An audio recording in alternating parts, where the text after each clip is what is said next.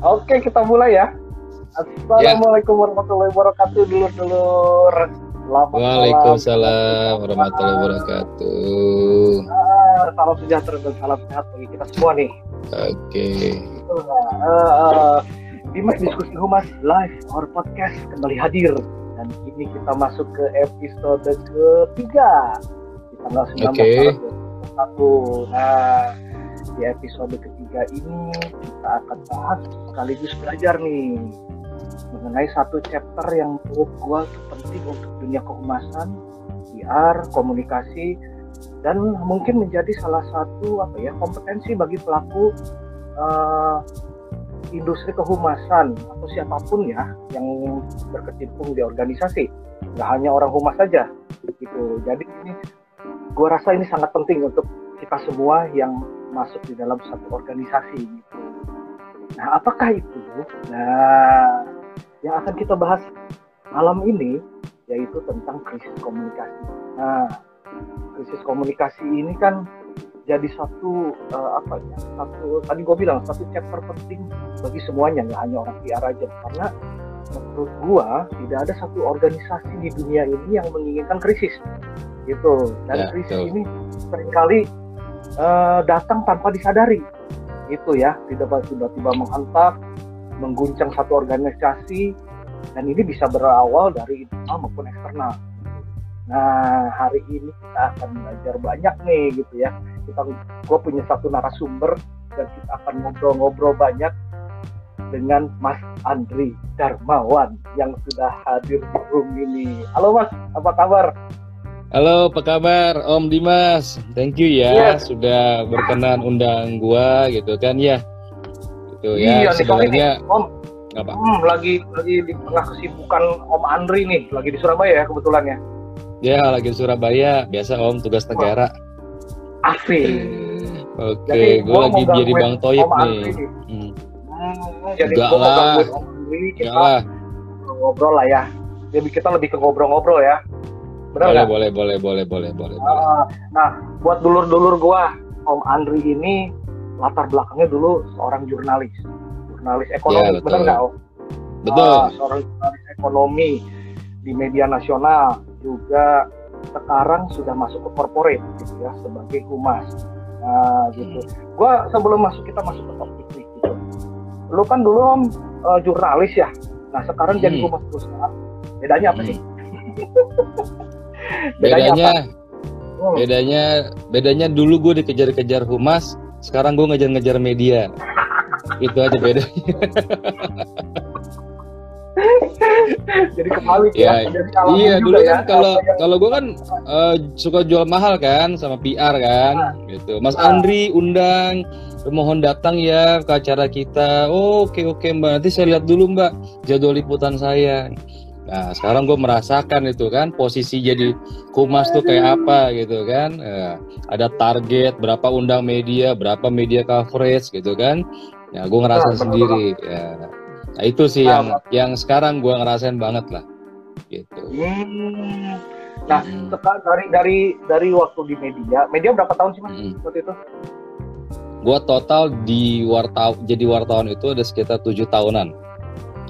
Tujuh tahunan ya di investor daily sih nggak terlalu lama ya cuma dua tahun ya oh. sisanya itu di majalah marketing terakhir itu majalah marketing oh, okay. majalah marketing itu yang ya, ya tau lah ya Pak Andi Rawan gitu kan ya kayak semacam majalah SWA dan sebagainya gitu. oh jadi nah hmm. setelah, setelah dari apa jurnalis ke humas nah di hmm. humas sendiri sebagai humas korporasi udah berapa lama Gue jadi humas dimulai dari Bang Yobi. Gue hijrah itu hijrah oh. dari jurnalis ke humas dari 2013. Pertama kali gue masuk di Bang Yobi join dulu gitu. Okay. Habis Bang ya Bang Yobi terus gue ke, ke Great Eastern Life. Dari Great Eastern Life habis itu ke Bang Mayora. Nah, habis itu ya barulah seperti sekarang lah di PT apa Rifan habis itu ditarik ke pusat ke Solid Group gitu. Sadis luar biasa nih bang. Dari jurnalis udah bisa memandang dari sisi wartawan dulu ketemu teman-teman humas gimana perjuangan teman-teman hmm. humas humas tolong datang dan lain-lain sekarang lu yang bagian ngundang mereka. Nah, benar itu seninya, Bro. Gitu. Nah, di pandemi gini kegiatan PR di apa di kantor sekarang gimana, Mas? Hmm. Padat juga? Ya, lumayan lah, tapi gue lebih banyak menekankan ke arah CSR. Ya, oh. CSR-nya di tahun kemarin kita coba buat kegiatan bersama uh, teman-teman dari ojol ya kita hmm. gue gerakin teman-teman marketing di seluruh cabang gitu kita berbagi bersama ojol jadi kita pesan makanan kita kasih surprise ke ojolnya gitu hmm, bang ini buat abang bang gitu. Kita kita pesan rame-rame eh, apalagi waktu itu pas bulan puasa ya. Pas bulan oh, puasa nah kita tuh serentak serempak gitu kan di cabang. Uh, eh, gue suruh anak-anak marketing itu kan udah buat campaign. Uh, kita pesan pada saat menjelang berbuka uh, ke ojol gitu kan ya GrabFood, GoFood dan segala macam. Tetapi itu sebenarnya buat mereka. Uh, tapi oh. langsung kita uh, buat ada branding lah uh, misalkan dulu gue handle PT Rifan misalkan waktu itu kan ada Rifan Finansindo Pak makanannya buat bapak aja ini adalah dari Rifan berbagi nah, Akhirnya kan mereka akan ngucapin terima kasih, terima kasih Mas Andri dari Rifan, terima kasih Rifan. Nah itu kita posting di medsos. Oh, okay. Nah, itu kita posting di medsos, terus kemudian gue buatin press release, siaran pers, dan itu gue share ke teman-teman media. Dan itu menjadi sebuah berita yang kayak gitu. Oh. Ya, gua, gua, menurut gua kayaknya beberapa perusahaan juga menerapkan kegiatan yang sama ya, campaign yang sama kayaknya di banyak juga nih. Yang gua tahu yeah. tuh ada beberapa perusahaan, ha, ketika hmm. pandemi terjadi, mereka juga uh, banyak berbagi gitu ya, banyak berbagi hmm. karena karena memang tahu kondisi ketika pandemi itu ya banyak yang kena PHK dan lain-lain gitu hmm. pekerjaan sulit nah, akhirnya juga apa eh, mereka melakukan kegiatan-kegiatan tadi yang memang di, hmm. di apa namanya dititik beratkan pada gimana mengungkapkan empati juga ya betul betul betul, ya, betul. Ya. tujuannya itu sih benar oke oke itu sekilas tentang Mas Andri nih luar biasa kenyang banget pengalamannya di media ada di korporasi ada udah lengkap banget tuh mas Enggak lah, gue masih kurang lah, masih harus banyak belajar dari senior Dimas sebenarnya ya. gitu. Sama-sama belajar ya. Siap, sama-sama belajar bro. Nah, sip, sip, sip. Hmm, kita masuk ke judul crisis communication hadapi hmm. atau Nah, nah, mana yang lebih setuju? Yang reliable uh, dari kedua pernyataan menurut Mas Andi. Gimana Mas? Silahkan Mas. Menurut gua kita hmm. dalam hidup ya dalam hidup pas kita pas lu bangun tidur aja itu nggak pernah lepas dari yang namanya resiko. Ya. Pas bangun tidur aja bisa aja lu kesandung ya kan? Keluar rumah amit-amit ketabrak sepeda gitu kan? Gitu. Terus ada apa ada apa gitu kan? Artinya itu sama dengan dalam uh, perjalanan bisnis dari sebuah perusahaan. Ya kan? Nah anggaplah perusahaan itu kan seperti ya seperti manusia lah seperti itu kan ya mereka punya life cycle gitu kan. Nah di dalam kondisi tertentu mereka pasti akan menghadapi sebuah yang namanya masalah atau krisis. Ya bahkan even kalau kita ngomong perusahaan yang kecil aja yang kayak gitu ya. Perusahaan kecil aja itu kita mengalami masalah gitu. Nah aku bilang makanya kita harus ya hadapi. Nah cuman sebelum masalah itu datang sedia payung sebelum hujan ya makanya itu gue selalu kalau share ke teman-teman ya sesama humas maupun ke, ke manajemen gue selalu bilang ada beberapa hal langkah yang harus kita lakukan. Yang pertama adalah mitigasi. Ya mitigasi. Artinya apa? Kita semua sudah harus identifikasi. Kira-kira ada risiko apa aja yang bakal terjadi sama perusahaan terkait dengan kegiatan bisnis perusahaan. Contohnya di gua sekarang adalah perusahaan investasi. Ya, tentunya tidak terlepas dari yang namanya uh, kepercayaan masyarakat. Ya kan? Begitu terjadi semacam uh, sorry, kan di gua itu uh, investasinya itu high risk high return ya. Ya, nasabah oh, biasanya tuh, ya nasabah biasanya kalau untung dia diem-diem. Nah, ya kan kalau untung dia jempol gitu kan mungkin kadang suka ngirim makanan ke marketingnya tapi begitu giliran rugi ya padahal mereka yang nah. melakukan transaksi wah itu mereka teriaknya itu lebih daripada ibu-ibu lagi mens gitu. Gak maksudnya uh, ya. pasti teriak gitu kan. Tapi memang manusiawi gitu kan. Siapa pun pasti akan melak uh, melakukan hal itu gitu kan. Nah uh, makanya gue pas masuk sini pun gue akan mengidentifikasi gitu. Eh sorry, gue sudah mengidentifikasi apa saja yang kira-kira uh, gue harus jaga. Tapi yang kalau sudah terjadi ya sudah kita uh, kita handle, kita tangani kayak gitu. Tetapi sebelum itu terjadi, gue sudah mitigasi. Contohnya, gue melakukan edukasi sekarang lebih rajin kepada teman-teman media lalu sekarang sudah masuk lebih ke arah anak kampus ya kan? Nanti mungkin gue juga mau bikin ada trading class untuk ke masyarakat seperti itu. Artinya apa? Gue mau semua orang ini semakin aware. Karena gue melihat seperti kayak halnya pasar modal zaman dulu. Waktu dipegang sama OJK begitu diawasi sama OJK ya uh, dengan campaign nabung dengan campaign nabung sahamnya itu nah uh, uh, mereka sekarang pasar modal itu maksudnya saham itu sudah sangat familiar ya sudah sangat familiar sekarang bahkan anak mahasiswa pun begitu bangga main saham seperti itu. Nah, gue pun mau menerapkan hal yang serupa sebenarnya gitu. Nah, dimulai mungkin dari grup gue sendiri, kita mau rame-rame, kita buat campaign, edukasi yang benar, edukasi yang baik, itu. Nah, ini sebagai langkah mitigasi. Itu dulu, sebagai preventif lah ya, pencegahan. Artinya semakin banyak orang yang paham resiko, semakin banyak orang yang tahu, ya kan harapannya adalah makin banyak nih eh makin sedikit nih pengaduan makin sedikit nih komplain-komplain dan segala macam. Karena mereka sudah sadar adanya resiko. Seperti itu. Dan masyarakat pun akan menganggap begitu cerita bos gue habis trading nih kalah nih. Ya iyalah di trading itu pasti ada resiko. Nah bukannya ngompor-ngomporin gitu. Gitu. Nah terus yang kedua menurut gue adalah ya terpaksa kalau begitu krisis sudah terjadi yang dilakukan pertama kali adalah identifikasi dari sumber krisis. Ya, krisis itu sebenarnya terjadi pasti ada pemicunya, ada pemantiknya. Selama ini kesalahan kita adalah hanya melihat dari luarnya aja. Contoh, gue pernah dulu uh, handling yang namanya ada demo, ya. Begitu ketika ada demo, itu yang bawa adalah LSM, ya kan? Okay. Ada LSM Nah, kita akan menyangka itu hanya LSM-nya aja, ya kan? Tapi begitu kita cari tahu, identifikasi, identifikasi ternyata itu adalah nasabah yang merasa dirugikan. Waduh, sampai segitunya ya Om ya?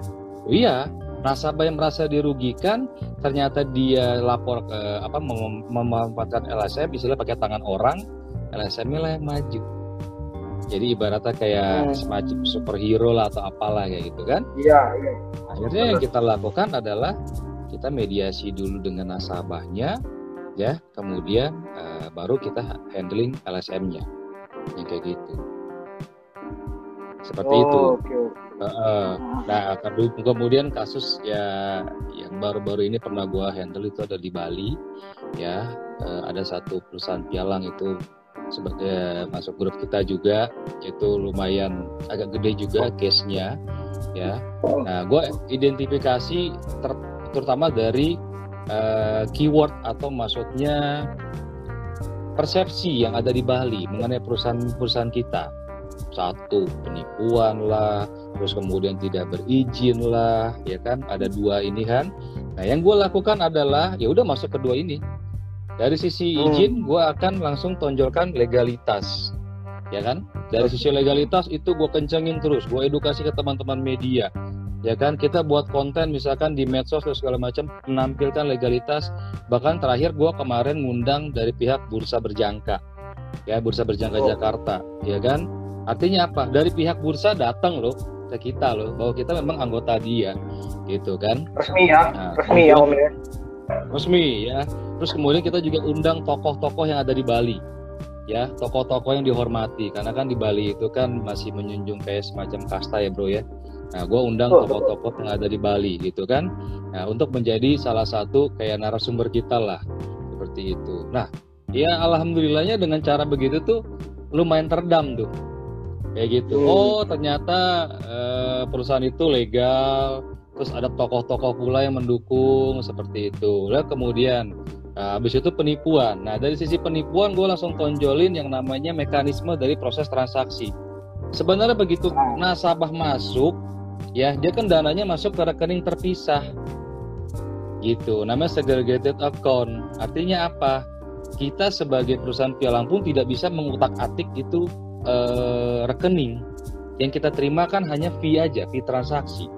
Kayak gitu. Nah, ini banyak masyarakat yang nggak nggak paham di sini seperti itu. Nah, kerugian ataupun keuntungan diakibatkan oleh transaksi si nasabah sendiri seperti itu. Nah, ini yang gue tekankan juga, komunikasikan juga kepada teman-teman media.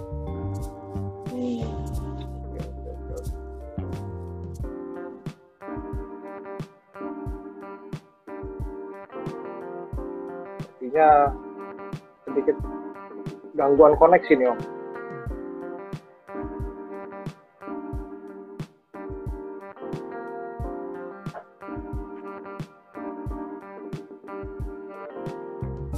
Oke. Okay.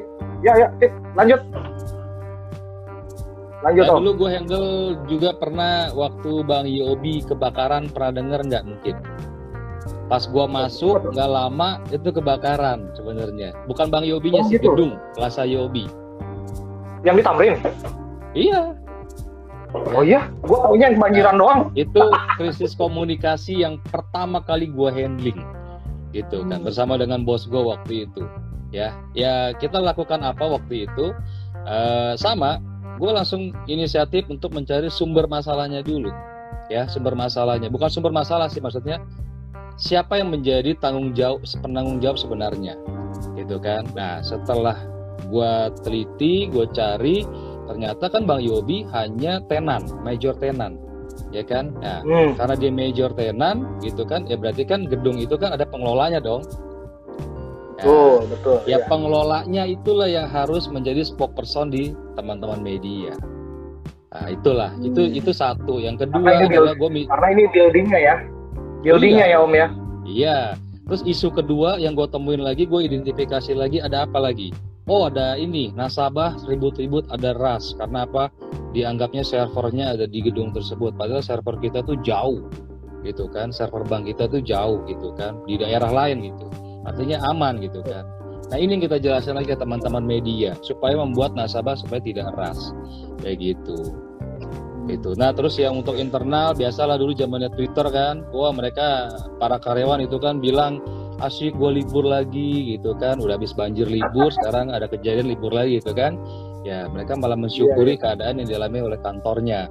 Nah gue langsung ngomong ke dirut tolong terbitin memo kita kasih SP3 barang siapa terhitung dari periode tertentu eh, coba-coba nge-tweet soal case yang ada di uh, Bank UOB.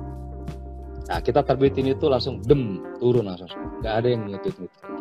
SP3 itu akhirnya dipecat langsung. Oh iya? Waduh, iya, waduh. kayak gitu. Gua langsung minta, langsung minta ke waktu itu masih Arman Arif gitu kan. Nah, kita minta oh. itu pokoknya diterbitin memo itu. Karena apa? Kita mau menertibkan gitu kan ya karyawan-karyawan yang istilah dalam tanda kutip agak konyol gitu kan eh, perusahaan lagi susah mereka malah uh, ngetat ngetit yang nggak jelas di Twitter gitu kan. Gitu. Nah hal, -hal seperti itulah. Yang kayak gitu. Jadi yang pertama ya. itu adalah mitigasi yang kedua lu harus harus identifikasi ketika itu sudah terjadi. Nah yang ketiga adalah lu harus melakukan uh, penetralan isu. Ya melakukan okay. isu terus kemudian menjadikan itu uh, kembali lah menjadi sesuatu yang positif ya tapi yang paling penting adalah lu netralkan dulu isu yang ada di lingkungan yang ada di sekitar itu oh, okay. ya baru habis itu pelan-pelan baru recovery kayak gitu hmm. nah om kan kalau kita lihat ya tiga tahun ke belakang aja ya waktu itu hmm. kita lihat banyak sekali krisis yang terjadi di baik perusahaan BUMN maupun perusahaan swasta gitu ya. Mm-hmm. 2019 kalau lo ingat blackout Jawa Bali salah satu BUMN ya kita nggak usah sebut namanya. Lalu 2020 ada yang apa penumpang foto-foto terkait makanan jadinya krisis juga perusahaannya. Betul Masih dengar ya Om ya? Ah. Cik, gua lagi betulin ah. tadi. Oke. Okay. 2021 terjadi juga perusahaan yeah. Adventure, ya kan? Hmm. Kemarin tuh mas hangat banget tuh, panas banget tuh. Hmm. Apa yang terbaru beberapa hari yang lalu salah hmm. satu startup, salah satu startup juga yeah, ada yeah, yang yeah. begitu. Tuhan. Hmm. Nah, kan kalau kelihat ini memang uh, apa namanya dinamika krisis ini dari mana-mana lah ya, tadi dari customer, yeah dari teknis gitu ya, hmm. dari internal hmm. gitu. Nah, hmm. sebagai uh, tadi Mas Andri juga ceritakan ketika pengalaman di UOB bahwa ketika ada krisis berusaha uh, apa namanya mendekatkan diri dengan manajemen ya karena memang yeah. peran humas di sini krusial nih gitu kan benar nggak oh, iya. gitu kan krusial banget gitu nah saat itu uh, saat misalnya terjadi krisis itu si humas ini sebetulnya boleh dibilang dua kaki ya mas ya internal iya. harus pegang eksternal juga apalagi gitu ya. Hmm. jadi harus selalu selalu mendampingi manajemen ya. Nah gimana menurut uh. mas Andri? Benar nggak? Kayak gitu. Oh iya. Yang pertama adalah yang kita harus lakukan adalah menenangkan manajemen dulu. Biasanya yang paling panik nah. itu yang ada di dalam. Ya karena apa? Ya mereka kan wajar lah ya gitu kan mereka mungkin nggak pernah menemukan kasus seperti ini gitu kan. Lalu kemudian saking bingungnya mau berbuat apa gitu kan. Nah tugas dari humas ketika mengalami krisis adalah menenangkan manajemen dulu. Ya pertama itu. Ya cara menenangkannya tergantung lah ya macam-macam ya.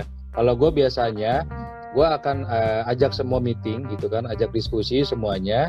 Ya gue akan mendengarkan dulu akan lebih banyak mendengarkan dulu. Mengenai urutan masalah yang terjadi. Gue harus memahami dulu masalahnya.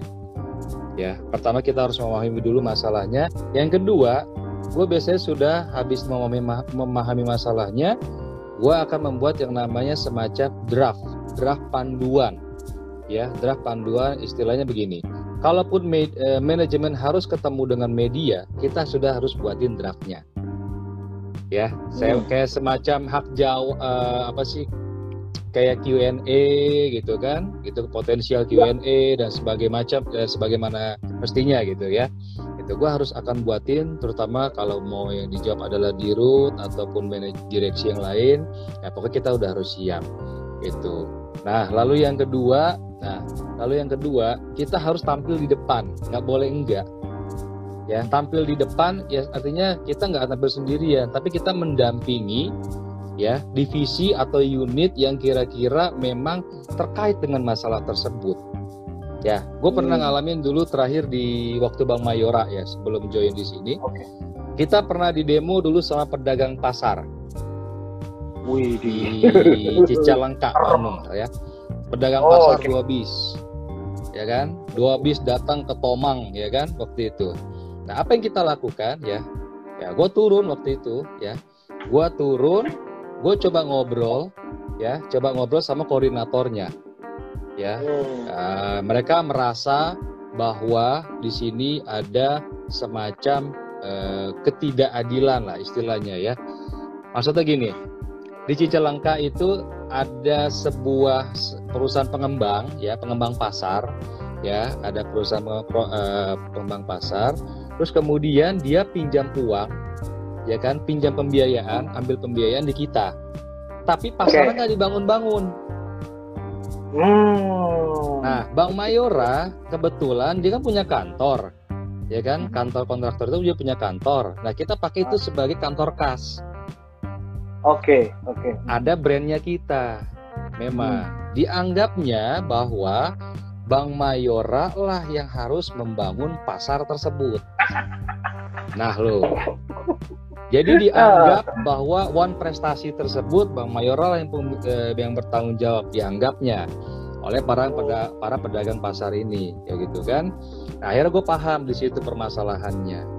Kemudian gue juga coba cross check ke uh, bagian appraisal sama bagian sorry bagian kredit itu kan kredit konsumen uh, sorry korporasi gitu kan segala macam ayo ya kan terus kan kita dulu punya namanya kredit usaha pasar. Gitu yeah. kan? Gitu. Nah itulah kita koordinasi dengan situ. Ternyata benar cross check benar. Lah tapi gue minta akhirnya perwakilan nggak boleh masuk semua. Nego nego nego akhirnya dapatlah 10 ya 10 tapi gue minta tunggu dulu ya kan? Akhirnya karena apa? Gue harus siapin draft jawaban pegangan buat nanti uh, si kepala divisi ini dan manajemen ada direksi juga waktu itu kan ada satu direksi buat ngomong. Jangan sampai salah. Kayak gitu. Nah habis itu gue siapin barulah habis mereka dari ruang tunggu kan di bawah baru kita uh, undang naik ke atas. Undang meeting naik ke atas ya ke ruang meeting. Nah di situ gue tetap perwakilan aja dong. Perwakilan, aja dong perwakilan aja mintanya 10 kayak gitu. Rame-rame mereka. Nggak mau dua nggak mau tiga. Mintanya akhirnya tadinya mau 20 nego nego nego akhir 10 ya naiklah mereka ke atas tapi gue tetap dampingi. Artinya apa? Di tengah-tengah pembicaraan itu kalau ada hal-hal yang menyimpang kalau ada hal-hal yang kira-kira mungkin manajemen emosi dan segala macam gue akan bantu lurusin. Kayak gitu. Nah humas pun nah, harus oh, tenang. sorry gue potong. Tadi ketika mereka datang ke apa dari Bandung ke Jakarta itu hmm. tercium nggak aksi itu enggak keberangkatan itu oh nggak tercium enggak, nggak tercium enggak. Uh, apa enggak, ya waktu itu enggak gini maksudnya gini sebenarnya ada isu gitu kan. Hmm. Cuman dianggapnya kayak ya angin lalu lah kayak gitu. Oh, Kali okay, waktu okay. itu kita memang datangin juga dari polisi lah segala macam. Tapi kita pikir ah nggak mungkin lah gitu kan. Itu masih simpang siur lah. Gitu masih simpang siur ceritanya gitu kan. Eh ternyata hmm. mereka datang beneran kayak gitu kan. Nah, kita, dan kita tidak siap gitu kan. Seperti ah, ah. itu.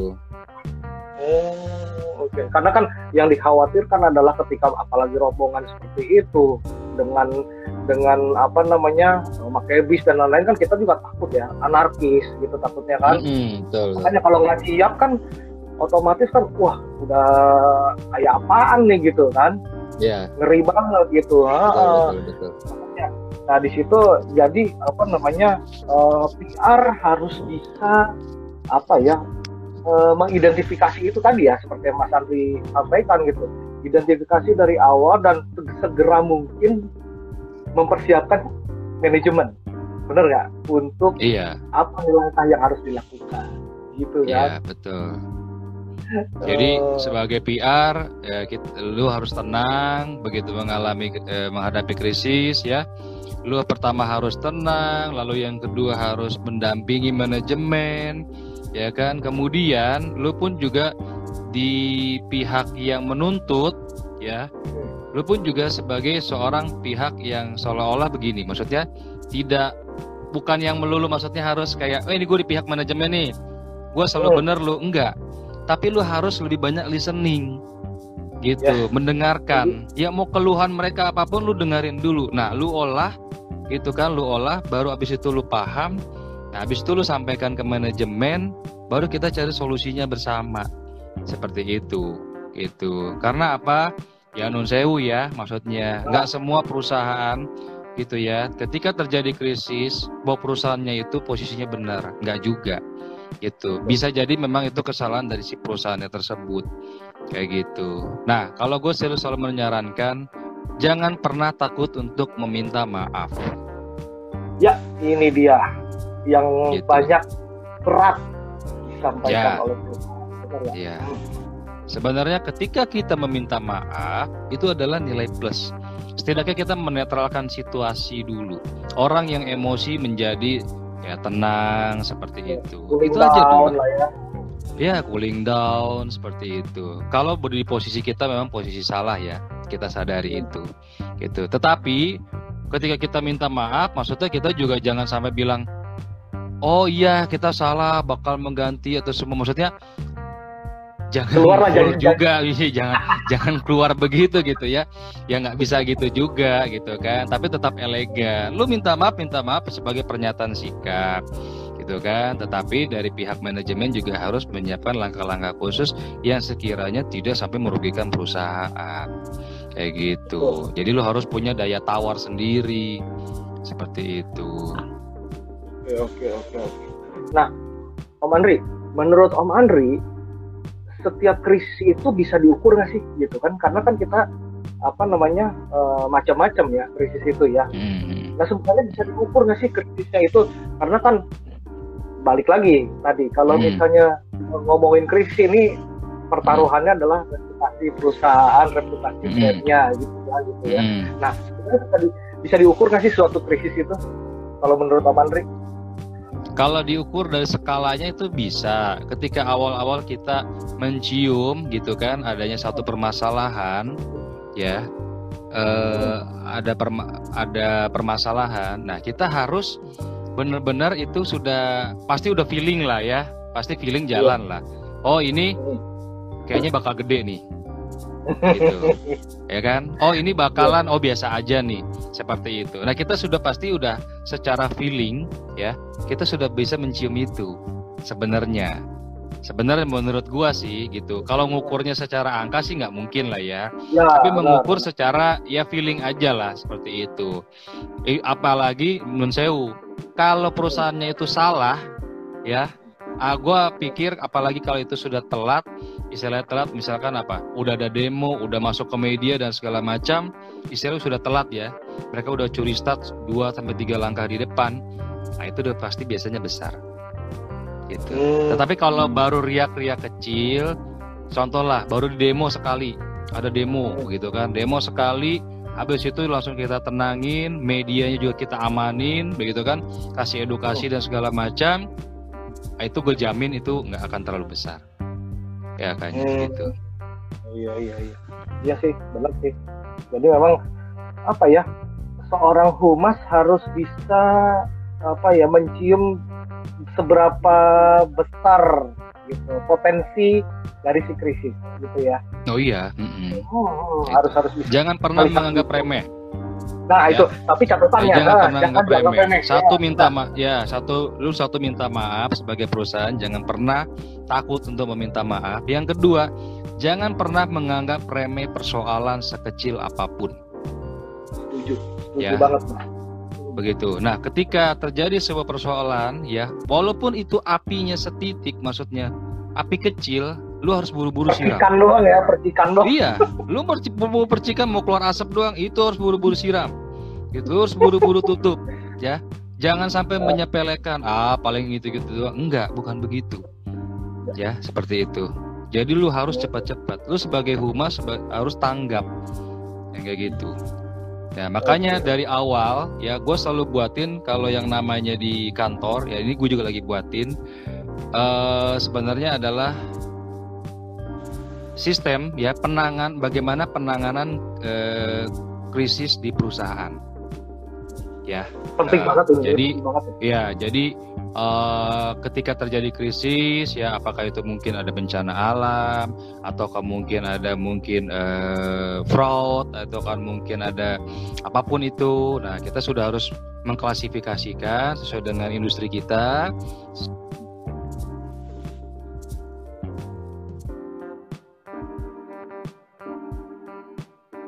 Halo Mas.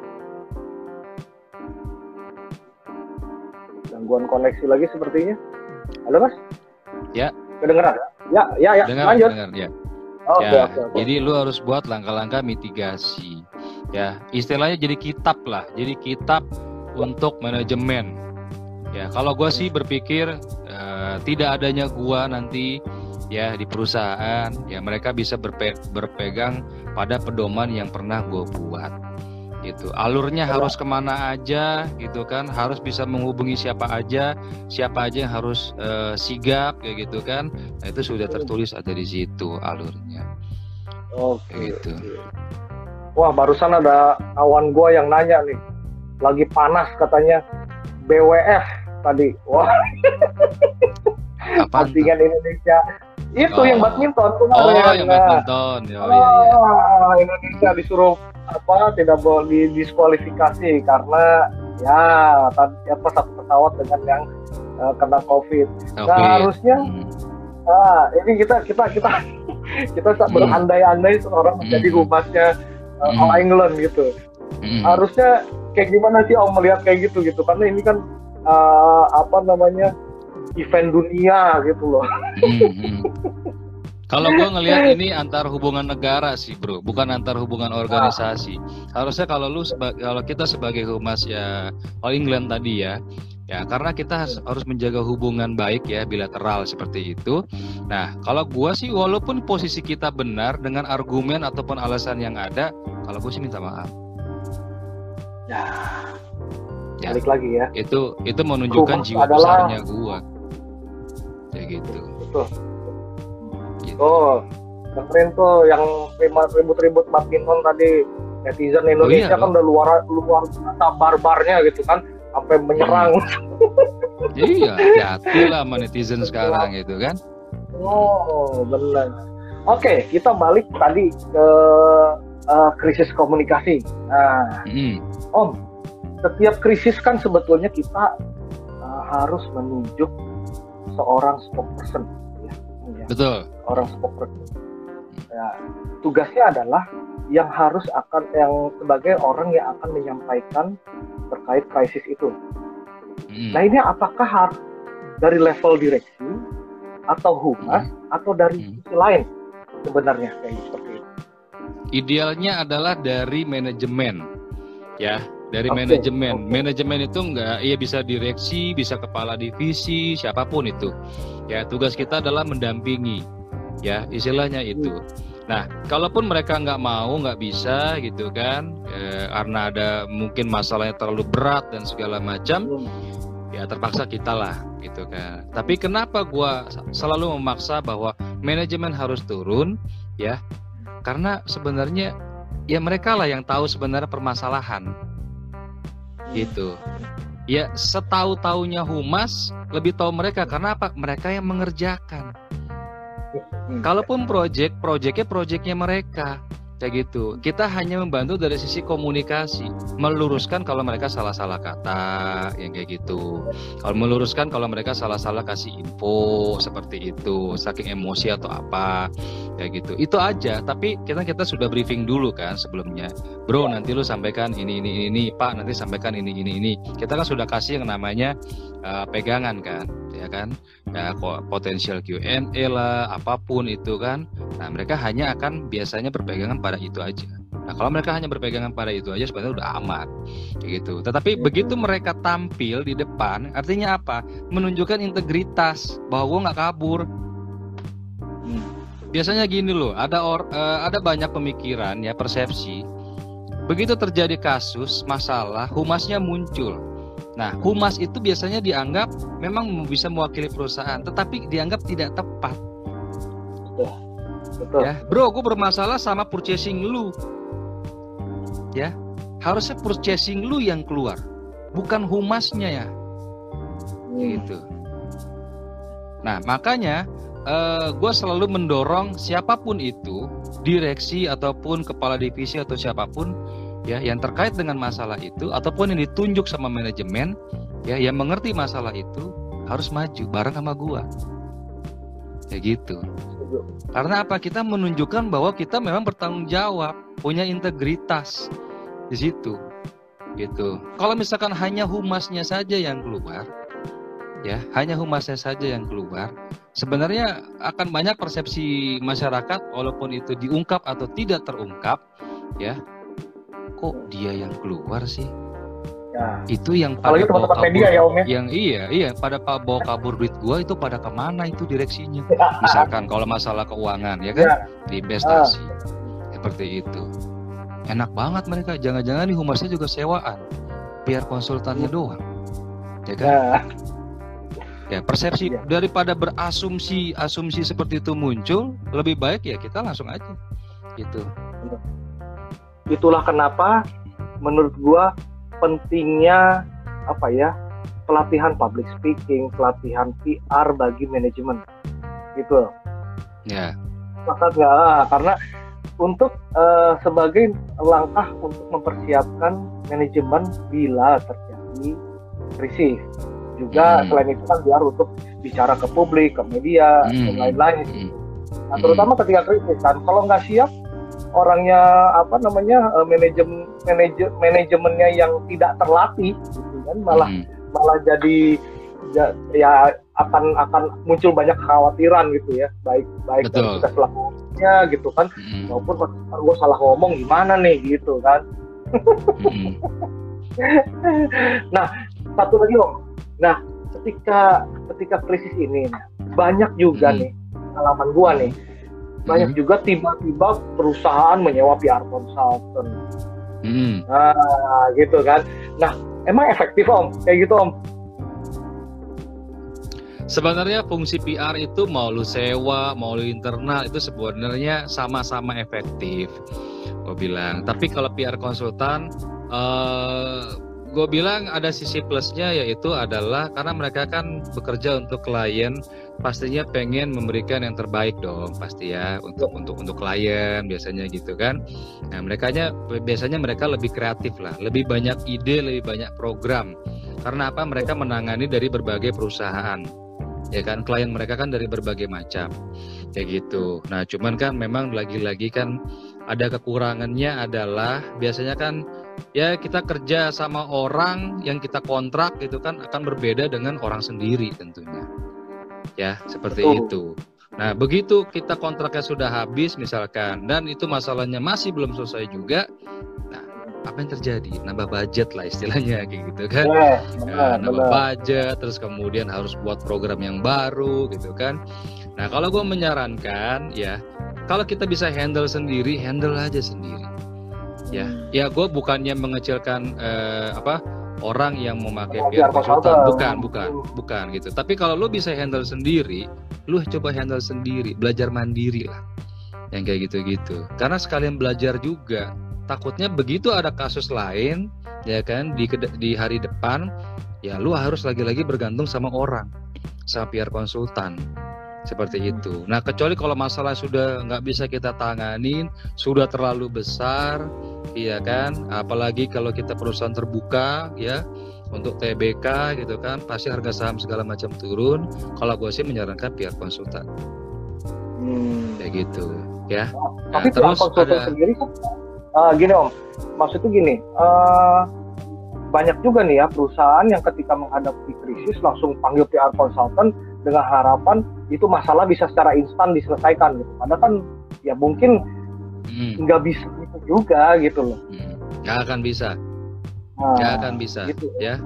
nggak akan bisa. Mau lu panggil Ogilvy ya, almarhum Ogilvy lu panggil gitu. Yang Sorry, terkenal handal Iya. gitu ya yang ya, terkenal handal terkenal ya. handal ya, ya tanpa ada keterlibatan dari pihak perusahaan, ya nonsen, omong kosong gue bilang, ya. Terkadang itu kita eh, suka ke, pintar untuk bisa presentasi, ya, pintar presentasi meyakinkan orang dan segala macam, gitu ya. Tapi pada kenyataannya begitu eksekusi, ya, ya banyak hal-hal gagal di situ kan, gitu. Nah kalau gue sih kalau orang udah bilang, oh pak nggak perlu bapak maju pak, nggak perlu kita aja semuanya pak, ah nonsen itu, ya. Nah begitu, begini teman-teman, ya, begini kawan, kita ketika menghadapi sebuah krisis, ya, orang internal, pihak internal tetap harus terlibat, gimana pun, ya seperti itu. Nggak bisa kita hanya mengandalkan orang luar, sekalipun lu lu, lu sewa PR konsultan yang termahal sekalipun, kayak gitu. Karena apa? Sekalipun eh, kalaupun itu ada masalahnya selesai, ya. Karena apa gini? Kita kita manja nih. Oh ada masalah, Ke- masalah kecil aja karena kita manja dianggapnya gede. Wah udah keluar keluar, udah pakai PR konsultan aja, PR konsultan aja, PR konsultan yang ngeliat, dia udah ngukur. Ah ini mah masalah biasa, cuman biasa kan? Gue pasti akan presentasi ke klien. Wah pak harusnya begini-gini pak, ya harusnya begini-gini pak. Ya biasa agak bluffing. Namanya juga orang jualan kan? iya benar ternyata iya habis itu setelah itu selesai memang benar cepat selesai ya kan cepat selesai eh begitu terus habis itu ada masalah lagi ternyata yang lebih besar PR konsultannya meminta si manajemen untuk turut join. Nah manajemennya kaget. Kemarin lu bisa nyelesain kenapa sekarang harus gua maju? Ya gitu. Ya kan? Nah ini harus disadari oleh para eh, manajemen perusahaan bahwa sekecil apa pun itu krisis ya selalu munculkanlah pihak dari internal. Yang gitu. Ya kalaupun lu mau pakai PR konsultan ya gitu. Itu sih saran gua ya gitu. Tapi ya. kalau lu masih pegang ego dan segala macam ya kan masih sebenarnya bukan ego, takut. Takut. nah, nggak usah ngaku macam-macam. Masalah, oh masa harus gue yang maju gini-gini, bukan takut. Gitu aja sebenarnya. Nah, untuk meyakinkan mereka biasanya begini. Kalau main direksi biasanya jarang mau maju. Kalau masalah gede. Minta hmm. kepada mereka tunjuk kepala divisi, kepala bagian, ya, tunjuk yang mereka bisa percaya buat dampingi kita sebagai humas. Itu dulu. Ya, itu dulu. Nah, begitu kita maju ya bersama orang yang kita anggap memang kompeten yang menguasai ya bidangnya, kita juga sebagai humas juga akan lebih pede, Bro. Iya. Gitu. Nah. Ada kalanya itu humas ya tidak menguasai ya, ada beberapa ada kalanya humas itu bisa blank juga loh. Kayak hmm. gitu. Nah, iya, iya. Ya, bak artinya apa? Kita juga butuh backup sebenarnya. Betul. Ya saling Dulu saling ya. ini lah ya. Saling saling kerjasama lah ya gitu. Nah iya. ini. Oh, saling kerjasama dong. Nah tadi ada kawan gue yang nanya udah kelewat kayak coba coba gue ulang aja. Intinya begini. Hmm. Uh, dia melihat bahwa memang uh, apa mitigasi resiko dalam menghadapi krisis komunikasi ini penting. Tapi mm-hmm. caranya gimana sih gitu untuk menyampaikan kepada manajemen karena gitu kan apa namanya uh, manajemennya mungkin ya mungkin mm-hmm. direksinya wah strict banget lah galak mm-hmm. lah gitu orangnya mm-hmm. sehingga mereka aduh gue mau ngasih masukan gini nanti salah lagi hmm. mau ngasih begini hmm. salah gitu nah tadi hmm. uh, salah satu temen gue nanya caranya gimana sih om yang hmm. enak yang yang elegan lah yang tidak hmm. tidak menggurui gitulah ya hmm. tidak menggurui manajemen gitu karena kan manajemen punya ego dan lain-lain gitu yeah. tadi ada hmm. gimana sih om kira-kira yang yang apa ya best practice-nya lah gitu Oke, dari awal tadi gue sudah sempat singgung ya, ketika kita jadi humas di sebuah perusahaan ya, kita harus ada inisiatif dari sisi krisis kom untuk penanganan krisis komunikasi. Uh, kita harus buat yang namanya langkah-langkah penanganan. Ya kita harus pelajari dulu industrinya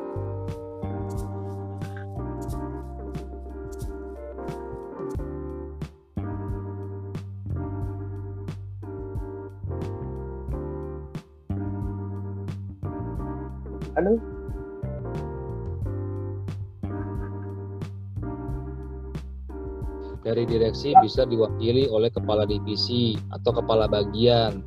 Nah, kalau memang itu sudah diokein, kita minta tanda tangan, tanda tangan di root. Ya, kalau dia sudah review dan segala macam, dia tanda tangan. Nah, kalau perlu direksi yang lain juga tanda tangan. Itu artinya apa? Ini yang sudah disetujui kesepakatan bersama. Ketika terjadi sebuah krisis, ketika terjadi masalah, pakailah pakem yang sudah ditandatangan itu. Ya, artinya apa? Mereka nggak bisa mengelak ya. Betul, Tuh. terus yang kedua kalaupun ini belum dibuat ya. Uh, sorry apa bisa diulang yang tadi? Oke. Okay. oh. Gue ulang sedikit ya.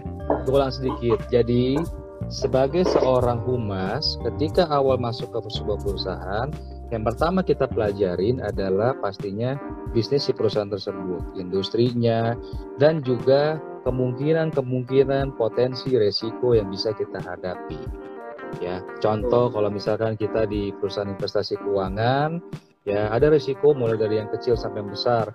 Yang kecil itu biasanya di medsos rame ya kan jelek-jelekin perusahaan ya kan nasabah mungkin yang mengalami kerugian sampai yang besar itu di demo dan segala macam seperti itu kan.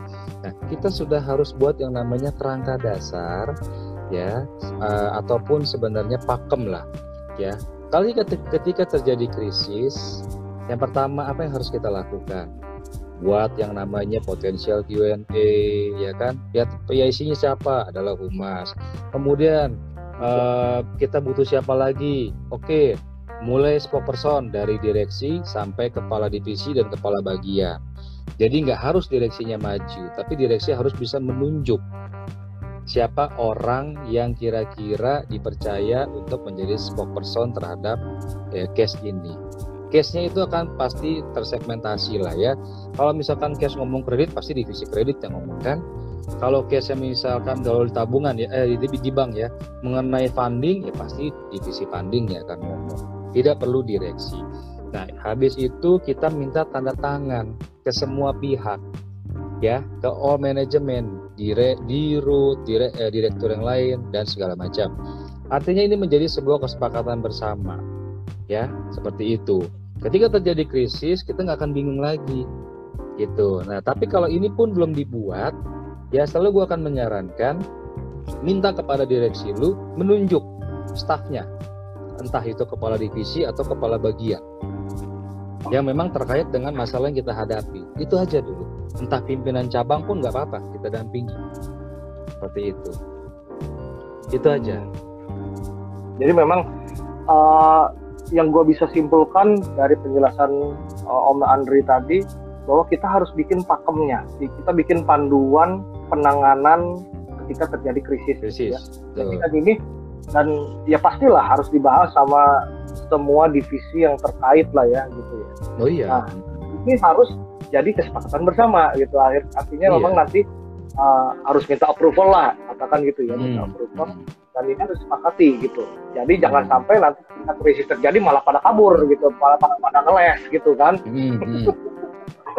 yeah. Jadi memang uh, itu tadi balik lagi uh, memang harus ada apa komitmen lah komitmen oh iya uh, manajemen gitu ya uh, sebagai komitmen bersama perusahaan yang memang harus wajib dijalankan ketika memang harus mengalami krisis gitu itu ya. Tadi Tisa uh, tanya mudah-mudahan jelas ya Tisa ya. Ya yeah, mudah-mudahan. Ah Om. Uh, dalam hal krisis mungkin nggak hanya krisis saja ya nggak hanya, krisis juga. Satu pesan atau key message lah ya kita biasa bilang PR gitu ya key message pesan kunci. Ini penting banget ya om ya. Betul nah Pasti dong. nah menurut om Andri gimana ini ini karena key message ini kan sebetulnya sama panduan kita juga jangan sampai nanti ngelebar ke mana-mana nih gitu hmm. apa yang akan kita sampaikan gitu. Nah menurut Mas Andri gimana? Oke, okay, key message itu paling penting ya karena apa? Ini eh, satu hal penting menurut gua karena akan berpengaruh terhadap citra perusahaan. Ya, hmm. ya yang pernah gue lakukan waktu itu ada yang case di Bali, yang ada cabang. Ya, gue langsung bilang bahwa perusahaan kita atau cabang kita ya titik-titik rasa baru Ya, artinya rasa baru kita memang sudah ganti manajemen.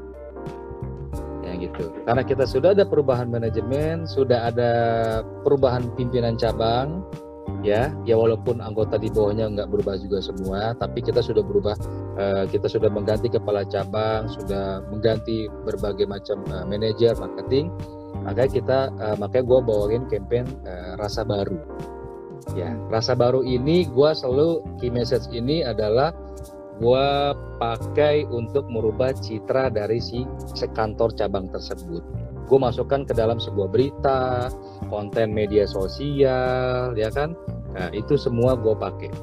Yang kayak gitu. Artinya apa? Mereka semua akan paham ya bahwa cabang ini ya adalah cabang yang e, baru ya dengan suasana yang baru, manajemen yang baru, komitmen yang baru seperti itu. Nah, key message ini bisa di, dicari atau ditemukan sesuai dengan persoalan yang kita hadapi itu nah ini penting. Dan key message ini harus sederhana. Gampang diingat sederhana unik. Ya, hmm. harus sederhana dan unik. Itu key message-nya. Nah, Gak salah key ini baru tahu nih baru tahu nih gua nih. Iya Kalau sederhana dan gitu. unik. Iya. Hmm. kayak rasa baru ya kan lu ngomongin perusahaan tapi rasa baru rasa rasa itu kan identik dengan makanan kan? Ya, ya pengecapan dan segala macam ya kan? Nah kenapa gue rasa baru? Istilahnya ya ya ini unik lah. Tapi gampang diingat gitu. Gua kalau bilang suasana baru itu basi ya kan? Terlalu umum gitu kan? Manajemen baru gitu kan? Terus kemudian uh, komitmen baru ah itu basi juga. Ya rasa baru lah Nah, apa rasa baru buat orang penasaran? Nah, nanti baru kita turunin message yang lain kayak gitu. Oke, oke, oke. Mantap, mantap, mantap. Mas, nah, ketika uh, sebenarnya gini nih ini juga jadi pertanyaan gue juga nih ketika hmm. terjadi terjadi krisis ya ketika hmm. terjadi krisis pada katakan perusahaan kita lah nah uh, gimana mengelola hubungan dengan media gitu yang yang yang yang pantasnya tuh gimana sih saat terjadi krisis karena kan apa uh, media ini kan boleh dibilang tanda kutip bisa pedas bisa hmm. galak hmm. juga ya yang nyantai-nyantai aja gitu yeah ada tips ya gimana nih ngelola ngelola hubungan dengan media di saat terjadi krisis gitu di perusahaan kita? Oke, okay. uh, eh, karena gue pernah di media dulu, ah, alhamdulillahnya okay. sih gue jadi agak sedikit tahu karakter teman-teman, ya kan. Pada intinya gini bro, media itu adalah as a partner kita, ya kan, Tujuh. sebagai bukan hanya partner tapi teman, ya ketika gue waktu ada kejadian di Bank UOB, gue bilang sama teman-teman media, simple, Mas Bro, mohon maaf, ya, bukannya gue melarang lu meliput atau nulis soal ini, ya, tetapi ini gue berbicara antar uh, eh, gue sebagai karyawan, ya, gue coba agak curhat sedikit sama abang-abang lah, gitu ya. Oh. Kalau misalkan abang-abang ini nulis atau meliput dan segala macam, lalu kemudian terjadi ras, ya lalu kemudian uh, Bang Yobi mungkin ditinggal oleh nasabah nantinya dan segala macam ya hmm. apa yang terjadi dengan kita karyawan akan ada PHK besar-besaran ya artinya apa abang kalau kita orang beragama pasti kita akan merasakan oh berarti itu ikut ada dosa gue juga di situ ya hmm. menutup periuk orang ya padahal gue hanya tahu dari sisi luarnya aja tiba-tiba langsung ngeberitain tiba-tiba langsung ngeberitain ya kan begitu Nah itu aja. Nah dengan begitu gue minta seperti itu, mereka nggak ada berita sih kayak gitu. Maksudnya ada beberapa berita karena terlanjur belum gue pernah gue temuin gitu kan orangnya gitu kan. Tapi tidak meluas istilahnya. Karena apa? Ya kita sama-sama inilah, maksudnya bangun empati seperti itu. Nah, gue menganggap teman-teman media itu adalah teman gue kayak gitu. Mereka pasti akan mengerti perasaan gue, yakin gue. Itu aja kok. Nah, ketika terjadi yang ada di Bali, ya sama. Ya, gue kumpulin semua teman-teman media waktu itu habis demo, ya gue kumpulin teman-teman media, gue akan bilang di sini banyak orang cari makan. Ya, di sini banyak orang cari makan. Nah, kronologi permasalahannya adalah seperti ini. Gue akan jelasin, gue akan terbuka. Kalian mau tanya apa pun, kita akan jawab. Seperti itu. Ya, kita akan transparan, nggak akan ada yang tutup-tutupin. Seperti itu. Nah, itulah ya kita harus menganggap bahwa media itu adalah sebagai partner kita bahkan mereka yang akan bisa membantu kita untuk memulihkan keadaan terjadi loh sekarang di Bali bahkan mereka sekarang meliput kita untuk hal-hal yang baik karena mereka apa? Sudah paham. Yang penting kita edukasi. Ya kita sampaikan key message-nya kita sampaikan kronologisnya hal yang terjadi. Sekalipun kalau misalkan amit-amit ya gue belum pernah nanganin kasus di mana perusahaan bener-bener benar-benar sal ada punya kesalahan fatal sih ya. Sekalipun kita menghadapi kesalahan fatal yang dihadapi oleh perusahaan, kita harus dari hati ke hati. Ngomong ke teman-teman media, ya uh, seperti ini, gitu. Nggak bisa hanya lewat preskon, nggak bisa. Ya, lu harus bikin yang namanya media luncheon, ya ngundang 3-5 media, besoknya 3-5 media lagi. Ya, karena apa? Kalau di preskon itu agak susah nyampe key message-nya. Gitu tapi lebih uh, key message kecuali uh, lu adalah perusahaan yang besar banget ya gitu tapi kalau lu perusahaan masih menengah dan segala macam apalagi lu belum terlalu dikenal gitu kan lu harus melakukan media launcher kayak gitu ya lu harus temuin 3 sampai 5 media 3 sampai 5 media yang kayak gitu gitu ya ngomong lah gitu kan per grup per grup per grup terus kemudian ciptakan eh bangun yang namanya media group di media group itu lo harus sharing apa pun pertanyaan teman-teman media lo juga harus jawab. Ketika terjadi krisis juga. Gitu. Lo harus buat yang namanya media group. Gitu. Artinya apa? Lo juga mengelola teman-teman media tadi supaya key message-nya itu satu arah. Benar, benar. Itu tidak melebar ke mana-mana. Kayak gitu. Iya. Itu sih bro. Gua pikir juga, ah benar. Gua pikir juga apa teman-teman media media itu apa ya uh, mereka tahu lah gitu posisi uh, perusahaan posisi krisisnya gitu ya hmm. jadi uh, apa namanya gue percayalah mereka nggak akan sampai ibaratnya menjatuhkan lu sampai sampai ke bawah tadi gitu. Ah, gitu. Apalagi kalau misalnya kita punya selama ini punya hubungan baik dengan mereka gitu. Hmm, mereka betul. bahkan ah, mereka bahkan uh, eh, gue yakin mereka akan uh, menyelamatkan lu gitu menyelamatkan lu iya, akan kembali mengembalikan lu ke hmm. sisi yang positif lagi gitu kan hmm. gitu. nah itulah tapi memang uh, penting sekali buat hmm. teman-teman humas dulur-dulur gua nih itu hmm. yang berprofesi sebagai humas untuk menjalin apa kedekatan lah ya dengan teman-teman media gitu ya Ya, nah, haruslah. Ya, gitu. jangan oh. sampai ada merasa teman-teman media itu asas manfaat. Begitu lo ah. butuh lo ngundang gua, begitu lo butuh lo cari gua, ya kan? Begitu lo nggak butuh gua, gitu kan? Apalagi kalau gua udah pindah ke dari media besar ke media kecil, lo tinggalin. Yang kayak gitu. Ya, itu banyak yang terjadi kan? Seperti itu. Kalau gua enggak, ya ke mana pun lu pindah bahkan lu nggak jadi teman nggak jadi maksudnya nggak jadi media lagi pun ya nggak bekerja sebagai wartawan lagi lu ada teman gua kayak gitu menjalin kedekatan uh, dengan teman-teman media adalah wah kalau seorang humas mah itu sebuah keharusan lah gitu yeah. nah om nah mengingat yeah. apa namanya ngelihat uh, tren sekarang nih dan tren sekarang kan hmm. uh, go digital dan lain-lain gitu di mana hmm. potensi krisis itu uh, apa ya sangat dekat lah gitu loh ya karena hmm. sekarang kom orang komplain di media sosial di di, di apa namanya uh, platform-platform digital lainnya itu uh, apa namanya uh, mudah aja gitu orang menyampaikan keluh kesahnya gitu ya. Nah uh, menurut Om Andri sendiri uh, apa namanya uh, gimana nih pengaruhnya uh, teknologi informasi ataupun uh, apa sosial media itu bagi uh, perusahaan maupun uh, ketika terjadi krisis communication dari sisi IT okay. atau uh, sosial media Bro, sorry sebelum gue jawab, gue boleh turun ke bawah. Ada titipan OB, kasih gue waktu oh, sekitar tiga menit aja. Boleh izin ya? Boleh. Gitu boleh. ya karena dia kasihan nunggu tadi tadi soalnya oh. gue hold dulu gue suruh nunggu 15 menit ya ah. izin bentar ya 15 menit okay. ya kita okay. kita balik lagi bentar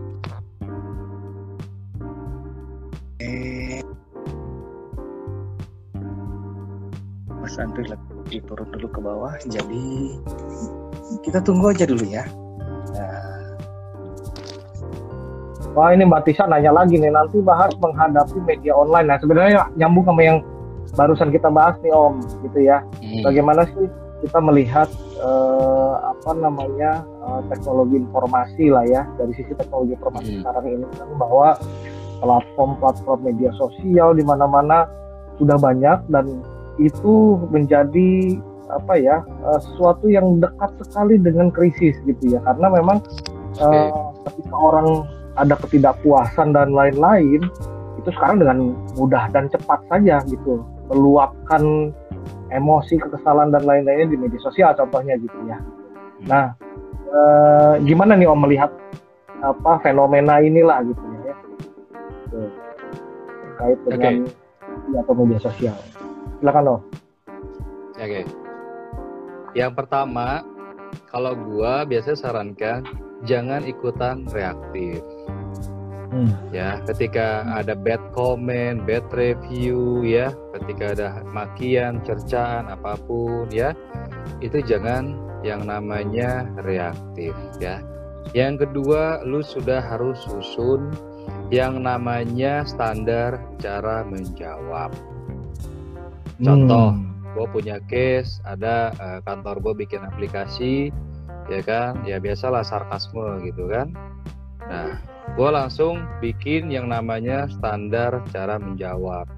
Ya ini sebenarnya karena gue dulu di bank gitu kan ya. Ya kita standarin aja gitu kan? Ya terima kasih atas pertanyaan anda atau terima kasih atas masukan anda kritik dan saran anda sangat ber berharga buat kami ya sekalipun sorry dia ngatain mungkin bodoh atau apa pun segala macam. Ya namanya netizen kan kita nggak tahu ya kan siapa dia kan. Jangan-jangan dia anak SMP gitu kan. anak yang apa suka main di warnet ya kan. Bahasa nah. warnet kan ya lo tau sendiri gitu kan. Nah kita tetap akan menjawabnya secara elegan. Kayak gitu. Ya walaupun itu terkesannya kayak robot dan segala macam it's okay nggak apa-apa ya. Terus yang kedua setelah lu buat standar jawaban misalkan. Nah yang ketiga lu coba buat konten. Hmm. ya. Lu coba buat konten kira-kira yang mengedukasi. Contohnya ada tuduhan penipuan ada tuduhan uh, apa mengandung racun atau apa pun ya.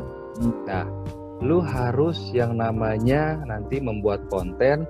Dan lu kan pasti punya pasukan tuh ya, satu kantor benar. ya kan? Hmm. kerahkan lah lu tinggal buat memo ya. Lu tinggal buat memo tembusin ke manajemen ke direksi ya. Minta tanda tangan mereka dan segala macam. Habis itu lu sebarkan. Dan minta mereka sebagai dalam tanda kutip buzzer lu. Ini gue lakukan hmm. sekarang ya. Ketika di aplikasi oh banyak bad comment bad review dan segala macam gue minta anak marketing ya langsung bantuin gue Wah, kasih komen positif, dikasih bintang 5 dan segala macam ya. Ya kita minta ke mereka. Bahkan kita minta juga ke keluarganya mereka ya. Minta tolong hmm. dong ke keluarga uh, ke kakak adik ya teman atau apa pun ya buat bantulah gitu kan macam. Nah, dengan cara seperti itu oke okay juga kok sebenarnya ya gitu nah kalau, tapi kalau pun lu mau misalkan kayak di YouTube kan bisa dimatiin komentarnya Uh, kayak gitu. Nah. Kalau lagi lu lagi campaign tapi lu takut gitu kan, nanti diserang, lu matiin aja komentarnya dulu. Nggak apa-apa kok. Ya. Itu masih sah-sah aja ya, Om. Ya?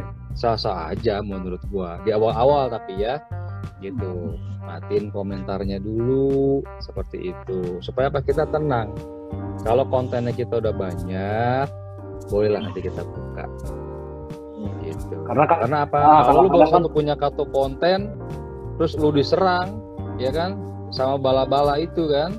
Ya komen jelek dan segala macam. Itu kelihatan banget jadinya. Tapi kalau lu udah punya channel lu punya banyak konten dan segala macam nah coba lo lu buka lu tes dulu. Oh ada nggak nih komen negatif? Kalau ada berapa nih? Kayak gitu. Lu buka dulu kayak gitu pelan-pelan lah. Terus kalau misalkan menghadapi komen-komen negatif nggak usah terlalu reaktif. Lu balas aja dengan konten yang positif. Kayak gitu-gitu. Terus minta bala bantuan dari teman-teman internal. Entah itu back office sampai tim marketing buat bantuin kita. Gitu. Sebagai dalam tanda kutip buzzer. Ya ini juga uh, banyak yang gue perhatikan di banyak uh, perusahaan ya teman-teman gue banyak uh, apa namanya di ada di perusahaan komunikasi dan lain-lain mereka uh, mulai melibatkan uh, teman-temannya sebagai uh, sebagai ya selain sebagai backup juga sebagai apa penerus pesan gitu ya. Hmm. Jadi uh, apa namanya mungkin dari ada arahan dari humasnya bahwa untuk hmm. setiap campaign teman-temannya harus hmm. ikut vaksin juga gitu ya untuk untuk menciptakan suasana positif dari si brand kita ya gitu dan juga bukan bukan nggak mungkin juga ketika ada ada apa namanya ada komplain ada krisis itu hmm. mereka juga hmm. yang aku apa namanya ikut Bantu. membantu kita gitu hmm. gitu ya Om Andri yeah. ya yang gue takut dari tadi apa Om Andri seperti itu nih karena gue lihat juga banyak yeah. sih teman-teman gue seperti itu gitu ya gitu. Hmm. bahkan ada juga perusahaan yang yang menyiapkan seperti apa ya rulesnya bermedia sosial gitu. Ada nih ya perusahaan yang menyiapkan terus bermedia sosial bagi karyawannya gitu bahwa hmm. lu tuh harus harus apa namanya jangan sembarangan berkomentar terutama yang membawa perusahaan seperti itu mohon dijaga gitu ya hmm. dan juga membantu setiap campaign yang dilakukan oleh perusahaan gitu loh ada juga nah, sih seperti iya. itu hmm. Nah, itu bagus sih. Malah itu jadi oh. ilmu juga buat gua ya, buat aturan oh. untuk bermedia sosial. Ya ini oh. bukan aturan baku, tapi setidaknya ini menjadi himbauan sekaligus edukasi ke internal. Ya, thanks bro itu juga jadi masukan juga buat gua kayak gitu.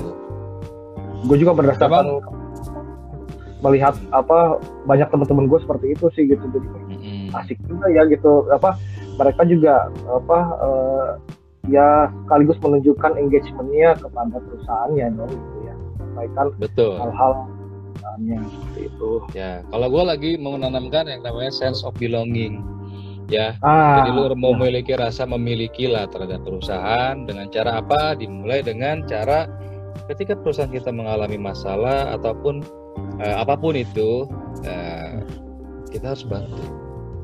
Kayak gitu. Ya seperti itu ya ya benar banget oke om ini kayaknya kita yes. udah sejam lebih nih Sorry ya, masih tadi ada iklan, ada kejeda nah, gitu kan. ya karena ini, inilah. Nggak masalah, nggak masalah.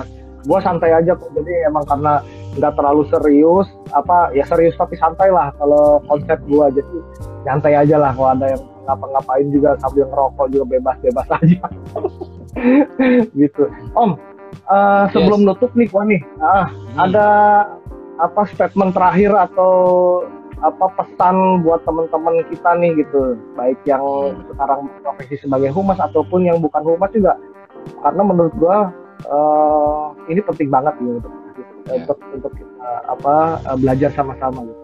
Ada apa komentar terakhir Om? Silakan. Oke. Okay. Uh, terkait dengan topik kita ya pada kali ini mengenai komunikasi krisis ya kalau menurut gua ada beberapa hal yang perlu kita perhatikan ya sebagai humas. Yang pertama adalah ketika terjadi krisis ya kita harus hadapi. Jangan pernah takut. Yang kedua, kita kalau bisa tidak boleh sendiri Ya, kita harus hmm. didampingi yang namanya pihak-pihak yang memang berkompeten mena uh, tahu soal persoalan tersebut. Ya, siapa pun itu. Walaupun itu bukan direksinya yang turun, tetapi setidaknya direksi uh, memberikan yang namanya tanggung jawab atau penugasan kepada bawahannya, ya entah kepala divisi atau kepala bagian. Ya. Lalu kemudian yang ketiga adalah sampaikan key message secara sederhana, ya, yang hmm. sederhana dan unik yang kira-kira memang gampang diingat orang dan dipahami orang ya. Kemudian sedar uh, terakhir adalah selalu membuat sederhana dari sebuah peristiwa atau kasus. Ya sekalipun itu kasusnya ribetnya minta ampun ya coba sederhanakan dan sampaikan itu ke teman-teman media. Ya ke teman-teman media dan ke publik ya. Sesederhana itu seperti itu. Nah terus kemudian yang terakhir ya untuk bad comment dan segala macam di media sosial ya ya gue sarankan jangan pernah ada aksi reaktif. Ya buatlah hmm. konten-konten positif dan kerahkan buzzer-buzzer internal kita ya teman-teman hmm. kita ya yang ada di kantor ya minta tolong kepada mereka. Kalau perlu kita buat memo ditandatangani oleh direksi ya biar kita berpegang pada memo tersebut. Ya seperti itu. Nah menurut gua tidak ada krisis yang tidak bisa kita tangani ya. Kita hmm. orang kita dari lahir kita apa mulai bangun tidur pun kita sudah menghadapi resiko potensi-potensi resiko kan? Ya. dalam hidup pun kita sudah menghadapi masalah ya. Kalau kita bisa berhasil menghadapi masalah kenapa kita nggak bisa menghadapi masalah yang lain? Kayak gitu. Nah. jadi tidak ada krisis yang tidak bisa kita tangani. Gitu. Yang penting adalah adanya kerjasama ya adanya keberanian ya. Keberanian untuk apa? Keberanian untuk menghadapi dan keberanian untuk mengaku salah atau minta maaf. Kayak gitu. Hmm. ya seperti itu. Ya tampilkanlah wajah perusahaan sebagaimana wajah seorang manusia. Kalau gue sih selalu beranggapan seperti itu. Ya manusia seperti apa? Manusia yang low profile manusia yang bijaksana seperti itu. Ketika terjadi krisis ya gue nggak akan meng, uh, menampilkan wajah yang angkuh ya kan? Kemudian wajah yang bengis seperti itu. Enggak. Ya kita harus menampilkan dengan key message yang sederhana tapi tepat sasaran. Dan jangan lupa unik. Ya kayak gitu. Ya. oke.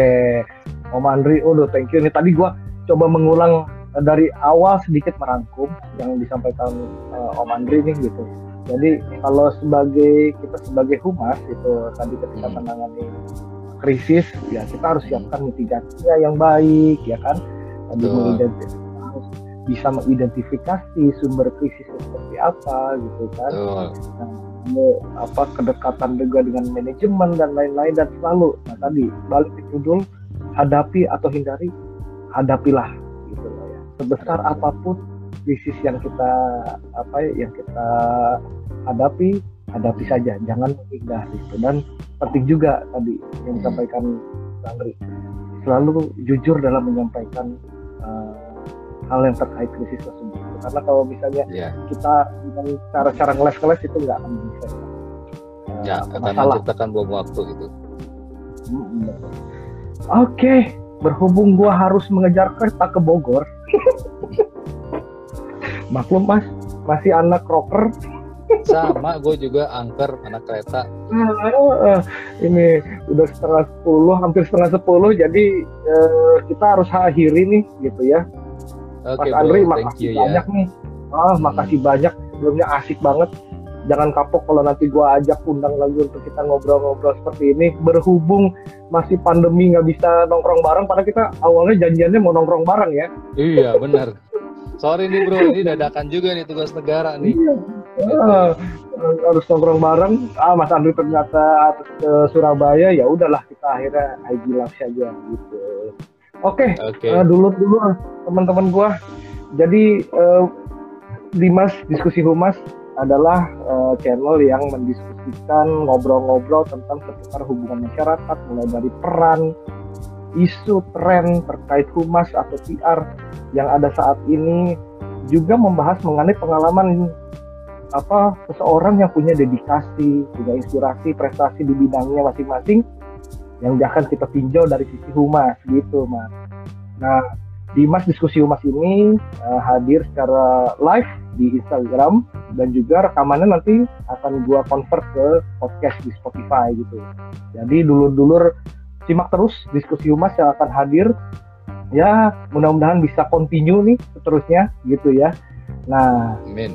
dan gue juga siap menerima masukan apa dari teman-teman apa yang kurang atau mau jadi narasumber kayak Mas Andri jangan takut jangan apa namanya jangan ragu DM aja ke gua oke jangan lupa follow akun Instagram gua at underscore Dimas Mulyawan underscore Spotify gua untuk rekaman apa namanya IG live ini Dimas kurung buka diskusi humas kurung tutup YouTube gua Dimas Mulyawan gitu ya YouTube channel gua Dimas Mulyawan jadi gua akan masukkan hasil rekaman hari ini di YouTube juga gitu Oke.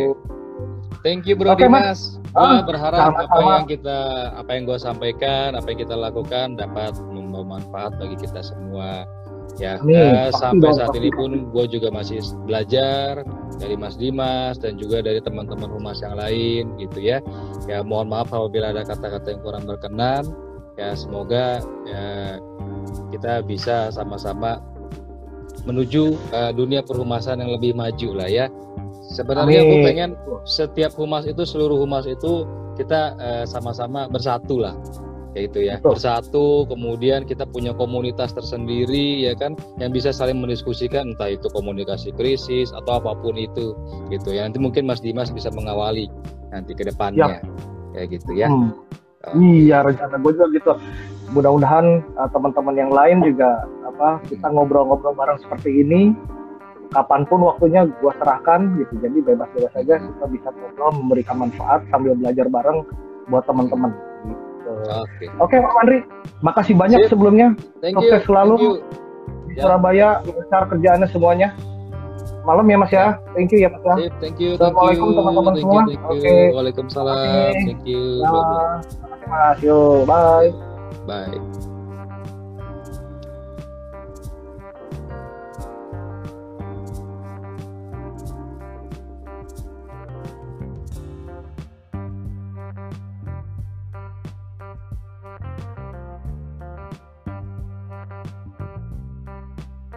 Bye.